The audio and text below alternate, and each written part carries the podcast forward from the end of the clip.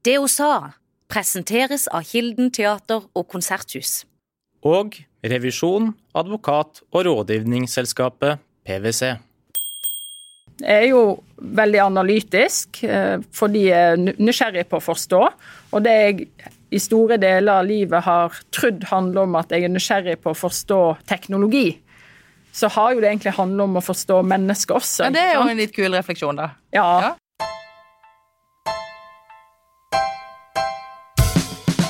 Janne Siri Horne, velkommen til det hun sa. Tusen takk. Du er såkalt hodejeger. Ja. Du er partner i selskapet som heter Headwiser, som er en av de største byråene i Norge. Ja. Jeg lurer litt på hvordan det er når man er hodejeger. Er det sånn at du alltid er litt på jobb, og alltid liksom går og leider litt etter aktuelle kandidater? ja, det vil jeg si. Det er sikkert noen som jobber med rekruttering og hodejakt som ikke alltid er på jobb. Eh, Men jeg føler at jeg alltid er litt på jobb. Og så kan man si at det er positivt og negativt, men det gir meg veldig energi. For jeg tenker jo at vi har jo egentlig en veldig positiv eh, jobb, en positiv rolle. Vi skal jo hjelpe virksomheter å finne de flinke, rette menneskene, og vi skal hjelpe menneskene å finne de gode og riktige jobbene. Så det er jo et privilegium å få lov å jobbe med, med dette og leve med det i hverdagen, da. Men hvis du er i et selskap, da, og så har du en del oppdrag, så du vet litt om at du er, du er på jakt etter, en, etter, etter folk. Eh, Hva, hva er det du ser etter hos de du treffer, da? Hva er det du merker det? Nei, vi Jeg har jo et litt sånn mantra i, i rekruttering som handler om at vi skal ikke ha bare den beste kandidaten, vi skal ha den rette kandidaten. Og for meg handler jo dette veldig mye om eh, Altså, det å ha en god CV er jo selvfølgelig viktig og bra, eh, for all del. Men hvis ikke du er den rette personen med de riktige verdiene, holdningene, passer inn i kulturen i selskapet vi rekrutterer for, så blir det jo ikke en god match eh, uansett hvor god CV du har. Og Det er jo derfor dette med personlige egenskaper og personlige preferanser også er en veldig viktig del av rekrutteringsprosessene våre. Men når du da tar fra en person, håndhilser, sier 'jeg heter Janne', og så presenterer disse, ehm, begynner du sånn automatisk å stille litt sånn spørsmål som du tenker 'kan det her passe inn noe sted', eller er det, er det bare en vanlig samtale? Nei, man, man blir jo litt yrkesskada i denne jobben. Så det er jo dessverre veldig ofte det, det første jeg spør uh, nye mennesker jeg møter om. Ja, hva gjør du på? Uh, så, så kanskje litt yrkesskader på det punktet. Og jeg, har jo, jeg er jo privilegert å ha veldig mange gode oppdragsgivere og kunder som jeg har jobba med over tid som jeg også kjenner rekrutteringsbehovet til uh, ofte, uten at jeg nødvendigvis har en pågående prosess på gang. Eh, og da er jo selvfølgelig litt av jobben min å gjøre disse koblingene. ikke sant? Forstå behovene og se mulighetene for både virksomheten og menneskene jeg møter. da. Men jeg må jo korrigere meg sjøl av og til og, og prøve å ikke tenke jobb. Eh, men grunnen for at jeg spør, er jo ikke fordi det er jobben min. Grunnen for at jeg spør, er jo fordi jeg er genuint interessert i menneskene, og blir kjent med, med menneskene bak det, det som møter oss i et førsteinntrykk. Jeg kan jo kjenne igjen det litt som journalist. For der er man jo også sånn at man er jo alltid Selv om man ikke er på jobb, så, har man jo, så skanner man jo alltid på en måte både folk og situasjoner litt på jakt etter eh, om det er noe interessant Ja. som også kan brukes på, på jobb. Så sånn sett så er man alltid Man er jo egentlig alltid på. Det blir en livsstil. Eh, og når vi snakka litt sammen før vi satte oss ned med mikrofonen, så fikk jeg jo inntrykk at dette i stor grad er en livsstil hos deg, og du lever med denne jobben hele tida.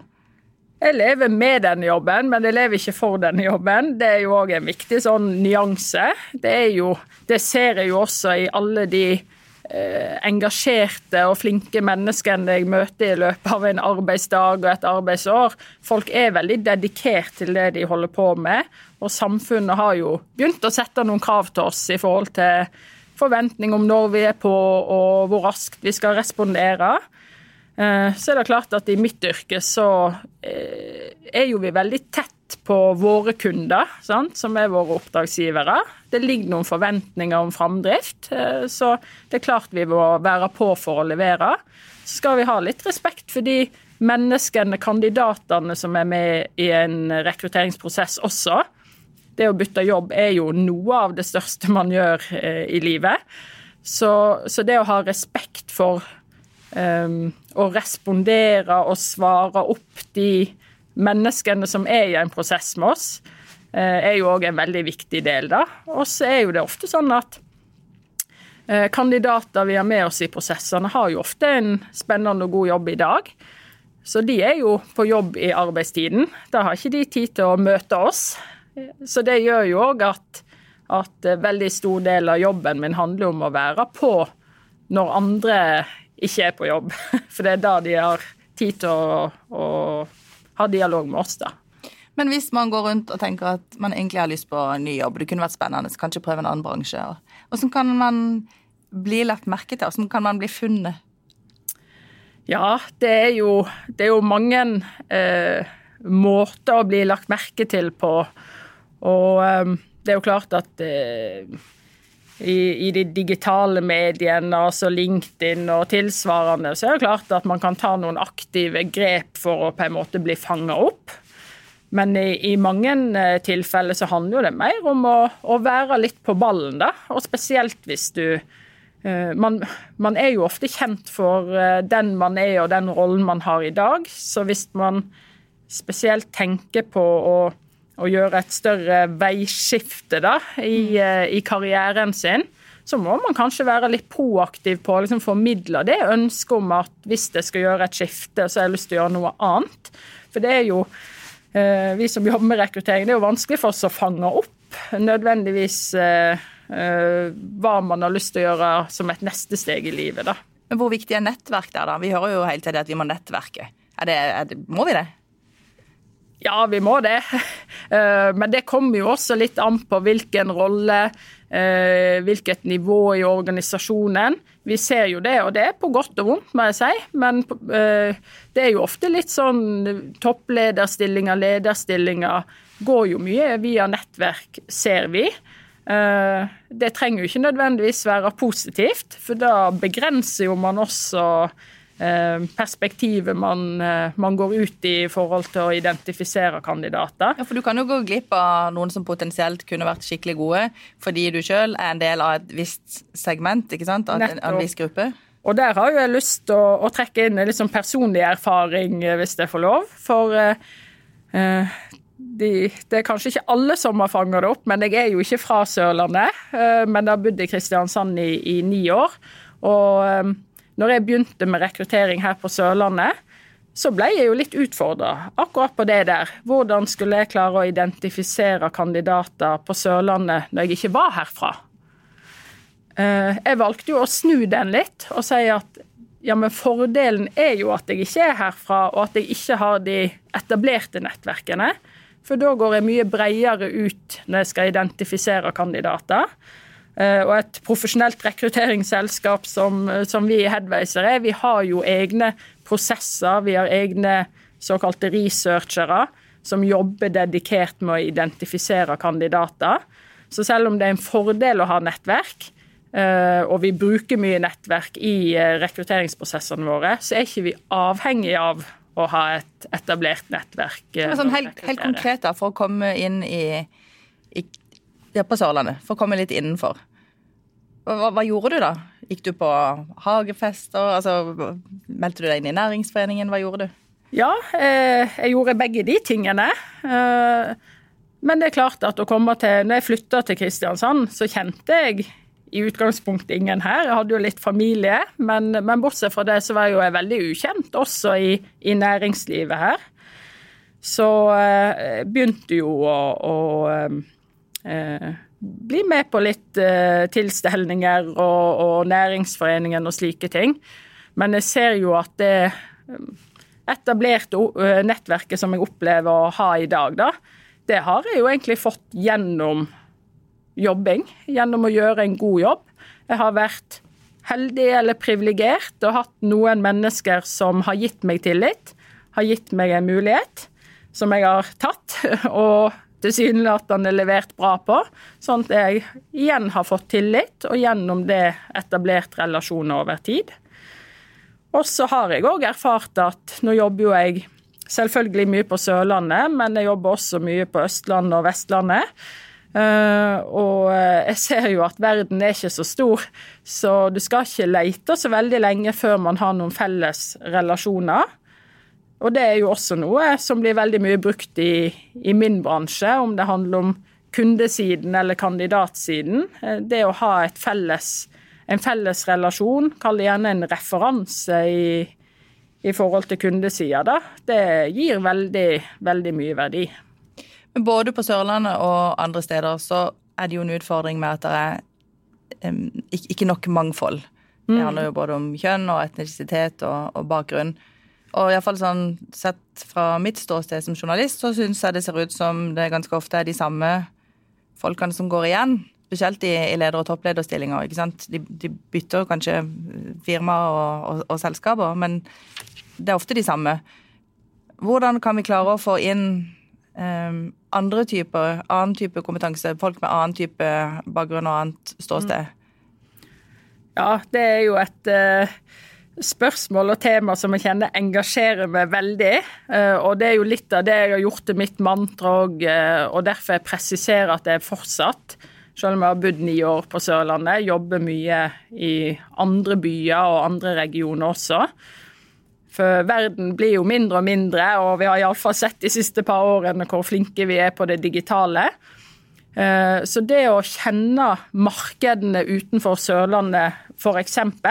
er jo utrolig viktig for å kunne trekke på kompetanse på kryss og tvers av geografi. Så eh, det å f.eks. jobbe med oppdrag på Sørlandet, kjenne kandidatmarkedet i eksempelvis Bergen og Oslo, eh, og da gjennom vår hodejakt finne eh, kandidater. Kanskje det er fraflytta sørlendinger, kanskje det er noen som er gift med en fraflytta sørlending. Det kan være relasjoner via via.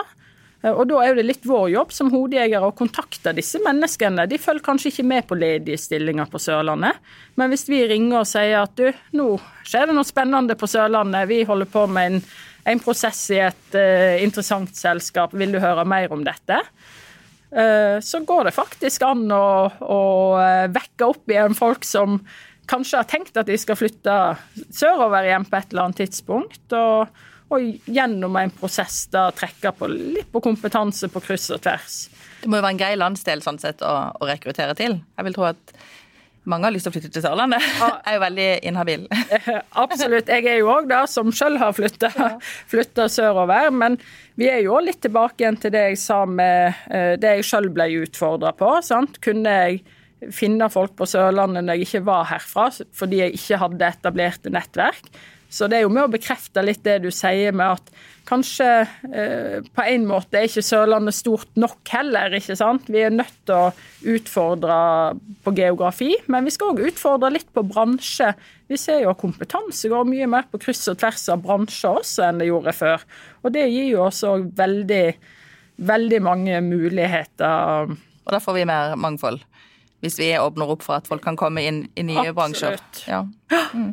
Du, Hvis du skal være litt personlig, når du kjenner at eh, yes, her har jeg møtt et menneske som jeg tror vil passe kjempegodt til en jobb, hvordan, hvordan føles det?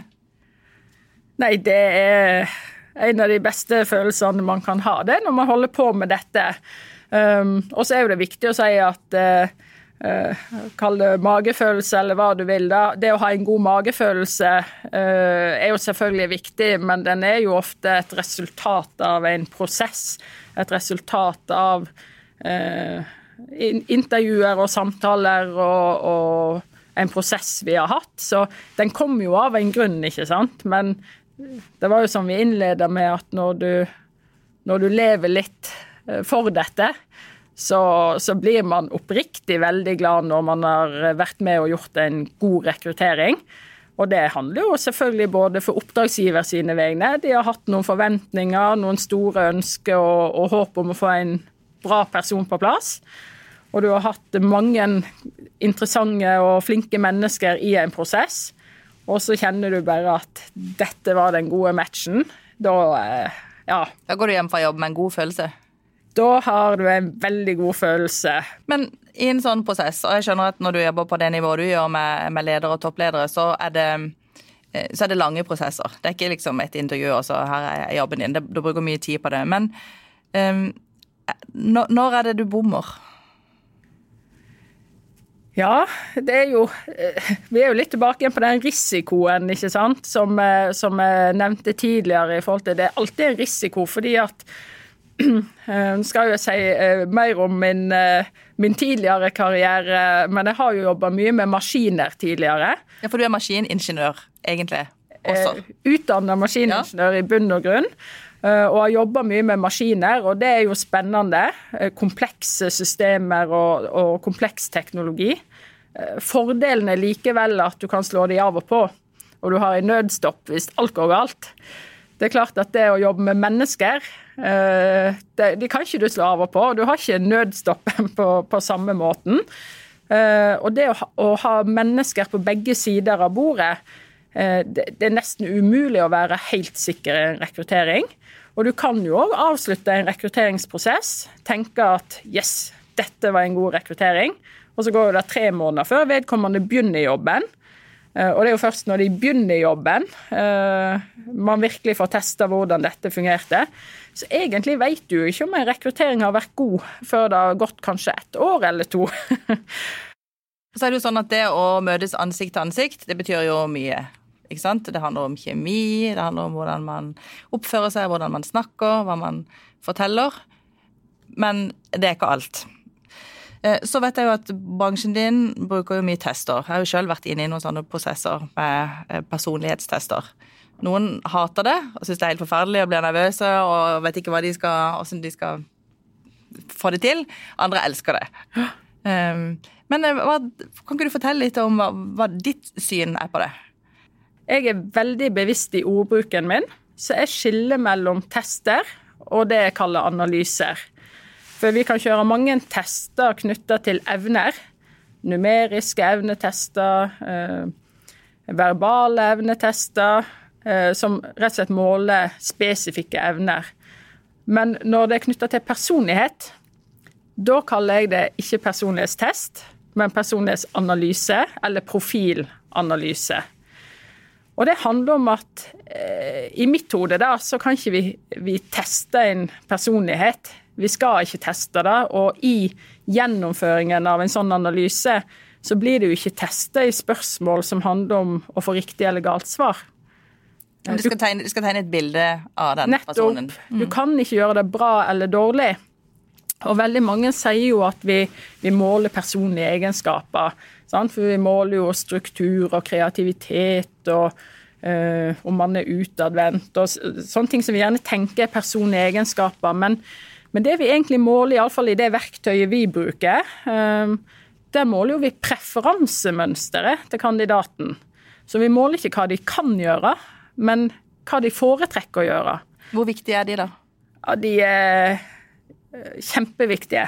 Det skal fortelle oss noe om hvilke situasjoner du trives i, og hvilke situasjoner du ikke trives i. Hva gir deg energi, hva stjeler energi? Og det er jo det som er viktig i rekrutteringssammenheng. Fordi at eh, hvis du eh, ikke er komfortabel med å stå på en scene, og så har du søkt på en jobb der du må stå på scenen hver dag, så kan jo det gå bra, men du kommer til å ha veldig mange våkennetter eh, i starten av den jobben, ikke sant? for du kvir deg. For det er ikke en preferanse du har. Og så kan vi jobbe med preferansene våre. Vi endrer oss jo og utvikler oss over tid alle sammen. Så dette er ikke noen sånn fasitøvelse. Men det er jo kjempeviktig at hvis du likevel får den jobben, da, at både du og din nye arbeidsgiver vet at det å stå på scenen er ikke du så komfortabel med, sånn at det sammen kan jobbe med å utvikle den delen av deg. Du eh, jeg er litt nysgjerrig på bakgrunnen din, fordi vi var innom det så vidt her. Men du er jo egentlig utdanna Eller først ble du utdanna maskiningeniør. Mm. Og i oppveksten din på Voss så var du interessert i biler og, og motorer. Ja. Eh, så du har tatt et ganske stort sprang sånn, over i noe, noe helt, helt annet. Men eh, eh, hvordan var det å, vokse opp over oss og holde på med biler? ja, du eh, Eh, altså, jeg hadde en veldig fin oppvekst, jeg, og eh, flott mor og far og søster, og en fin oppvekst. Så er jo det et ganske stort sånn bilmiljø, rånemiljø på Voss. De er jo litt kjent for, for det. Um, så jeg kom inn i det miljøet. Jeg må si det er et veldig flott miljø. Altså, man passer godt på hverandre og heier på hverandre, og egentlig en flott kultur i, i den type miljø.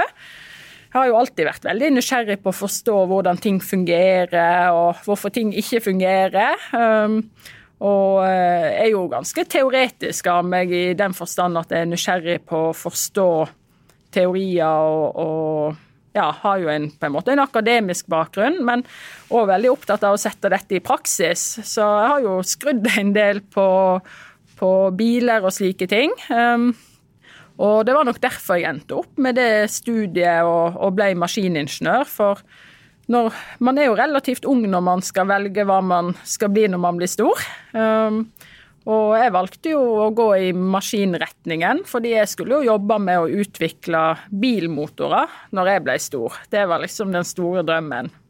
Så jeg flytta jo til Bergen og, og begynte på høgskolen der da jeg kom inn på maskiningeniørstudiet den gang, det er jo noen år siden, så, eh, så var vi to jenter og 30 gutter i klassen.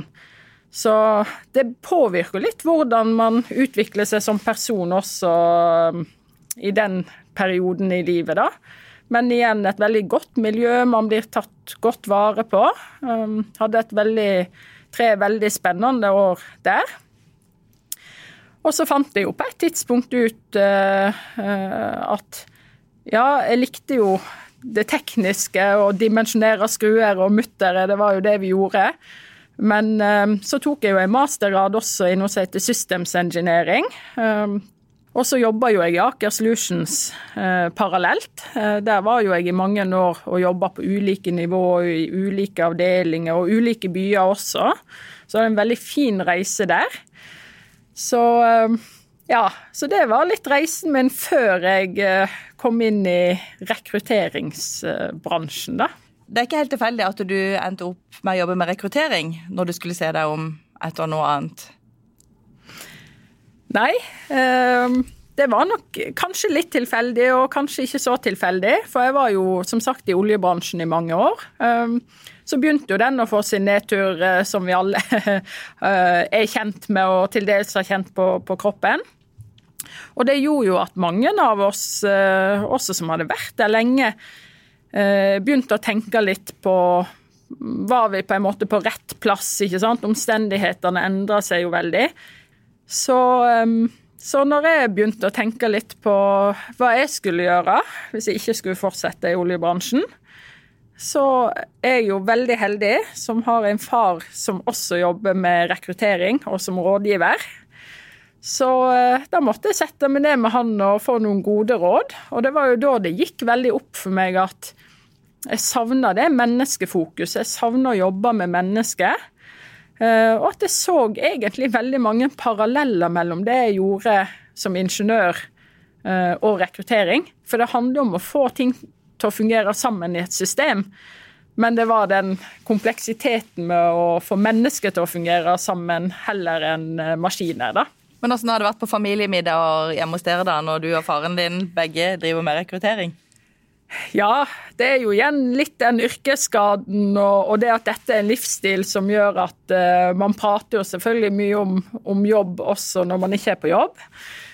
Men vi har nå vært veldig bevisste på å holde en balanse der, så uh, det har gått, uh, gått veldig greit. Men ble han glad når du valgte den bransjen? Ja, jeg tror det. Og så er jo det litt på godt og vondt at man har tette relasjoner når man også er kollegaer. Så det har jo vært noen som bare ser meg som dattera til. Og det gjør jo òg at ja, noen kan jo tro at man har en fordel når man har en far som er i bransjen. Eh, det, det, er sikkert noen, for, det er noen fordeler med det, absolutt. Men det, noen, det stiller òg noen ekstra krav til, til, meg, da. Eh, I forhold til at jeg må bevise litt ekstra. Jeg må ta min plass og ta min posisjon. Det er ikke noe du får automatisk i vår, vår bransje, det, altså. Du, Når man skal velge hva man skal drive med i livet, jobben er jo en veldig stor del av livet. Eh, da er man som regel ganske ung når man begynner å skal velge utdanning. Og det er jo ikke alltid man føler man har valgt rett. Men du eh, tenker at det å kanskje gå et år på noe man egentlig ikke vil drive med likevel, ikke er så farlig? At det kanskje kan være bra å, å prøve litt ulike ting? Ja, altså vi vi mennesker vi snakker jo alltid om at vi har med oss en bagasje, ikke sant. Eh, og så har jeg av en eller annen grunn dette med bagasje fått en sånn negativt Det er noen tung bagasje vi har med oss. Eh, når jeg møter nye mennesker, kandidater, eh, så ber jeg de sjelden om å presentere CV-en sin. Jeg ber de presentere reisen sin. For jeg tenker at vi har alle en reise bak oss, og skal videre på en reise. Og det er jo den reisen vi har bak oss som er med på å forme den vi er, og de verdiene vi har, og det vi eh, motiveres av. Uh, og det å Jeg tror jo at det å ha litt bredde i reisen sin, ha gjort litt forskjellig, prøvd litt forskjellig, kan gjøre at man kommer veldig styrka, styrka ut og blir enda mer bevisst på de valgene man tar. Uh, og så er jo det klart at hvis vi går litt tilbake igjen til det jeg sa med personlighetsanalyse og den biten, så er jo det en realitet at vi er jo ikke like, heldigvis. Vi er forskjellige alle sammen. Og det gjør at eh, vi skal ikke ha de samme reisene. Og noen skal ha en reise i livet der de gjør det samme hele livet, for det var det som var riktig for deg. Og så er det andre mennesker som hopper og spretter og gjør masse forskjellig. Og det blir da den riktige reisen for deg. Når du ser tilbake på ditt arbeidsliv? Er det noe du skulle ønske du hadde gjort annerledes? Ja, ja det, det, er sikkert mye man skulle gjort annerledes opp igjennom. Og så har jeg egentlig et veldig um, rolig forhold til de beslutningene jeg har tatt i livet. For jeg tenker at det er så enkelt å være etterpåklok. Man tar beslutninger ut ifra de omstendighetene man står oppi der og da. Uh, og så For ettertiden så husker man beslutningen, men man har glemt omstendighetene. Så, så jeg, jeg, har nok bank i bordet, ikke tatt de, de store uh, feilbeslutningene. Men når jeg begynte med rekruttering Jeg var jo sjøl gjennom fullt testprogram uh, siden vi var inne på det. Og gjennom den personlighetsanalysen som ble gjennomført på meg den gang, så ble jo jeg veldig bevisst på mine preferanser. Og det var jo noe jeg fram til da i livet som ingeniør ikke hadde tenkt så mye på. Hva, hva, er dine preferanser, da? Eh, eh, jeg er jo ikke så glad i å prate om meg sjøl, da, men eh, jeg er nok veldig strukturert. Og veldig Jeg er jo veldig analytisk fordi jeg er nysgjerrig på å forstå. Og det jeg i store deler av livet har trodd handler om at jeg er nysgjerrig på å forstå teknologi, så har jo det egentlig handlet om å forstå mennesket også. Ja, Det er jo en litt kul refleksjon, da. Ja. ja. Så, så, det psykologiske trekket, forstå motivasjon, atferd, menneske, det har jeg nok uh, mye av. Um, jeg er nok ikke den mest sånn kreative sjelen. Um, men uh, har en veldig uh, indre driv. Uh, det er en tydelig preferanse jeg har. Sånn at når jeg sier at jeg jobber ganske mye, så sier ikke jeg det negativt lada. Da, da, sier jeg det fordi at det gir meg energi å jobbe mye og få utretta noe. Og så vil nok mange kjenne meg som veldig utadvendt. Jeg er jo glad i å prate. Um, men det er kanskje litt mer rollen jeg går inn i. Uh, Janne på privaten er nok ikke så glad i å prate. Jeg prater gjerne om faget. Uh, ikke så glad i å prate om uh, meg personlig, da. Så det er jo òg en forståelse man skal ha av mennesket. Hvem er du på en måte på jobb, og hvem er du privat? For det er ikke alle som er samme har de samme preferansene på jobb og privat. da. Du tenkte på en eh, fast post som vi har, som handler om å fremsnakke. Jeg har lyst til at du skal få lov å, å gjøre det nå. Åh, oh. Ja, det er jo mange jeg kunne ha fremsnakka. Jeg møter jo vanvittig mange flinke, engasjerte mennesker, både som kunder og kandidater. Og ikke minst eh, mange jeg har møtt som også har støtta meg, som jeg har lyst til å, å trekke fram. Eh, både internt i Headwayser, gode kolleger, flinke kolleger. Um, så det er jo vanskelig å trekke fram én eller noen få. Um, jeg har jo òg noen mennesker som, som, virkelig har gitt meg tillit og gitt meg muligheter, kanskje spesielt her på Sørlandet, som når jeg var litt ny i byen og skulle etablere Headwayser-kontor her, som, som, ga meg, meg iallfall muligheten til å vise hva vi hadde å komme med, da. Så det er mange jeg kunne nevnt eh, både på kundesiden og kandidatsiden, men det skal jeg være litt sånn forsiktig med i en sånn, sånn type setting som dette også. Um, og så tenker jeg selvfølgelig naturlig nok eh, litt på Anita Didriksson, som, eh, som, er jo kollega med meg i dag. Hun er jo et kjent navn for mange i, på Sørlandet, som tidligere leder for Næringsforeningen. og hun eh, fikk jo vi om bord i Headwayser for eh, det er jo snart tre år siden. Eh, som et resultat av at vi hadde begynt å ta en posisjon på Sørlandet og skulle utvikle den. Og hun det at hun ville komme og jobbe for og sammen med oss, syns det var et, et kvalitetstegn, og, og, tok det som en kompliment. For jeg vet at når hun slutta i Næringsforeningen, så, så ville ikke hun tatt på seg hva som helst. Så det at hun valgte, valgte oss, syns det var stort. Og hun har virkelig betydd mye for, for Headwayser Headweiser på Sørlandet også uh, i de årene hun har uh, jobba med oss, da. Hvilke kvaliteter hos Anita er det du vil trekke frem? Åh, oh, det uh, det første jeg tenker på, er jo selvfølgelig energien hennes. Altså Maken til energi og driv vi kan snakke om, preferanser og tydelige, tydelige trekk. Og hun er jo et unikum på, på den biten. Eh, og så syns jeg hun er ei tøff dame. Eh, hun har jo tatt en posisjon, eh, tatt, eh, tatt en rolle. Um, og også som kvinne gjort en del initiativ knytta til kvinnelige nettverk, mentorprogram osv. Så, så Så det er mange både faglige og personlige eh, ja, trekk ved Anita som, som jeg syns er flott, og som gjør at jeg er veldig stolt og ydmyk for å få lov å jobbe med henne. Janne, jeg vet at du er litt opptatt av det der med å ta posisjoner. Og ta muligheter. Ja. At man ikke skal bare vente på å få det, eller at noen andre skal gi deg det eller dytte det frem. Ja. Vil du si litt om det?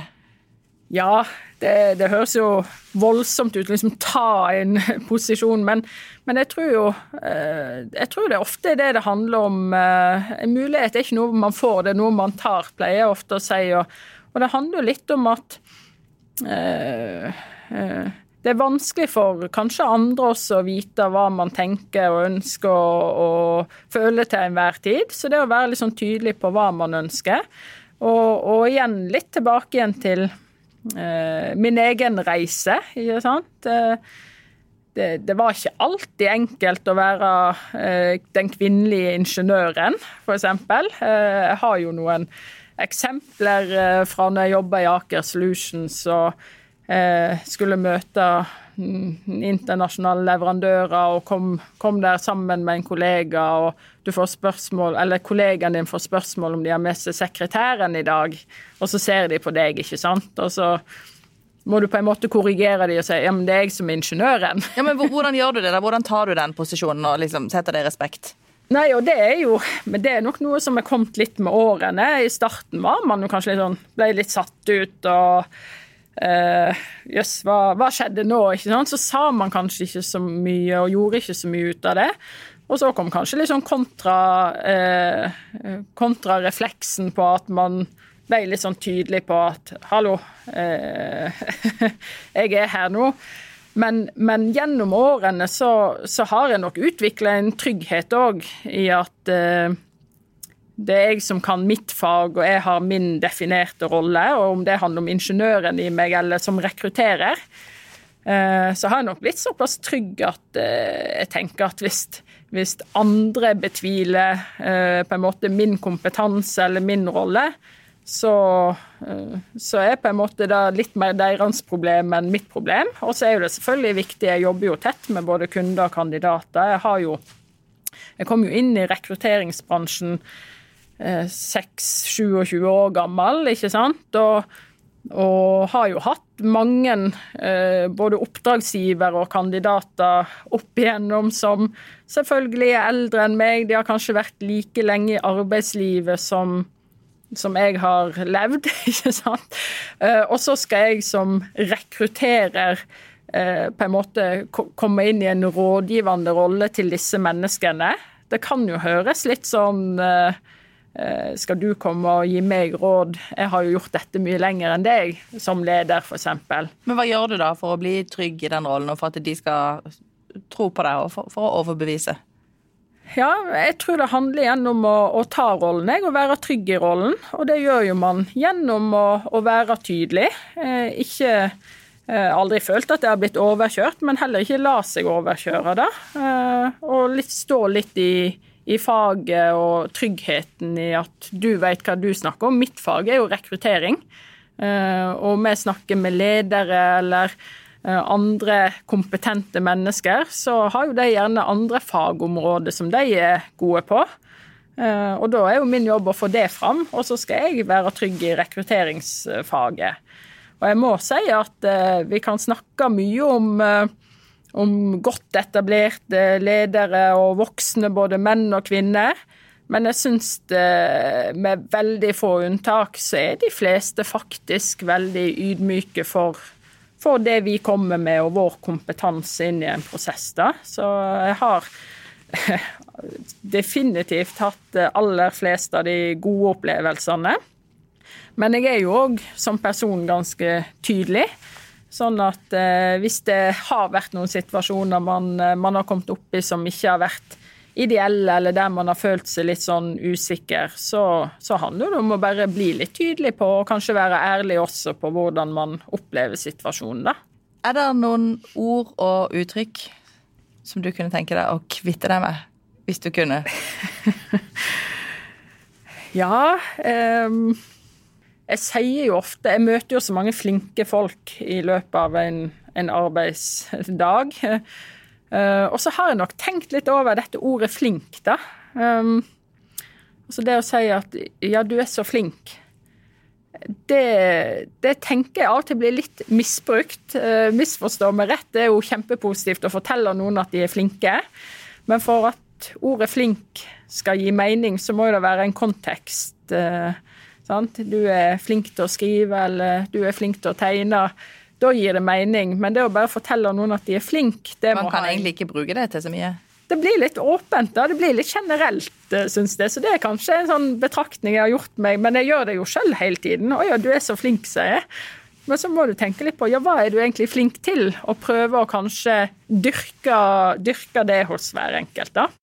Så du har mange års erfaring med å rekruttere, og har også sjøl prøvd ulike bransjer. Hvis du til slutt nå skal få lov å gi ditt aller beste råd, eller dine aller beste råd, til de som vil ha ny jobb, som kanskje skal på et jobbintervju, som skal snakke med deg eller med andre rekrutterere, hva er liksom de skikkelig gode tipsene? Ja, det første tipset Jeg får jo ofte spørsmål om du Janne, nå har jeg lyst til å bytte jobb. Hvilken retning bør jeg gå i? Sant? Hva er de attraktive bransjene eller, eller stillingene om dagen?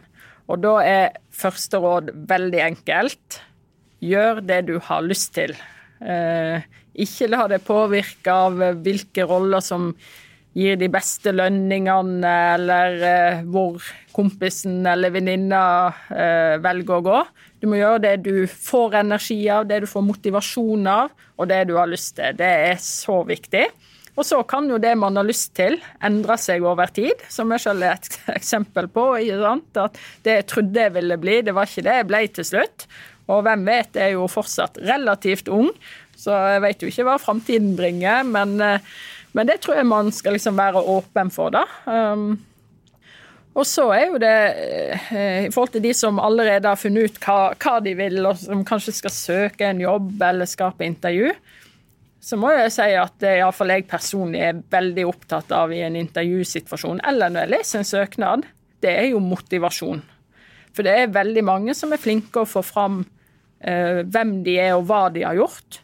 Og så glemmer de litt å skrive i en søknad hvorfor de har søkt denne jobben, eller de glemmer å få fram dette med motivasjon. Og det er jo det vet jeg jo òg at mine oppdragsgivere er veldig opptatt av. For akkurat fordi det er så mange flinke folk der ute, eh, så er jo det veldig viktig for oss å forstå liksom, hvorfor vil du ha akkurat denne jobben. Så det er et tips til iallfall de som skal søke jobb. Eh, få fram motivasjonen din, hvorfor du vil dette. Så er det veldig overbevisende for oss som sitter i andre, andre enden og leser. Ja, og vær deg sjøl. Jeg tror det jeg nevnte i forhold til eh, rekrutteringsprosessen og kartlegging. Du har ikke lyst til å begynne i en jobb på feil premisser, eh, for da vil det bli en dårlig match uansett. Så det å bare være seg sjøl, eh, på godt og kanskje på vondt, tror jeg er kjempeviktig, altså. Så da oppsummerer vi med det, og så sier uh, Janne Siri Horne tusen takk for at du ville komme til det hun sa. Takk for at jeg fikk lov å komme, og takk for invitasjonen. Du har lytta til Federlandsvennens podkast 'Det hun sa' med Birgitte Klekken. Har du tips til andre bra damer vi vil snakke med, eller har du lyst til å dele inspirerende erfaringer fra ditt arbeidsliv? Ta kontakt på dethosa1fun.no.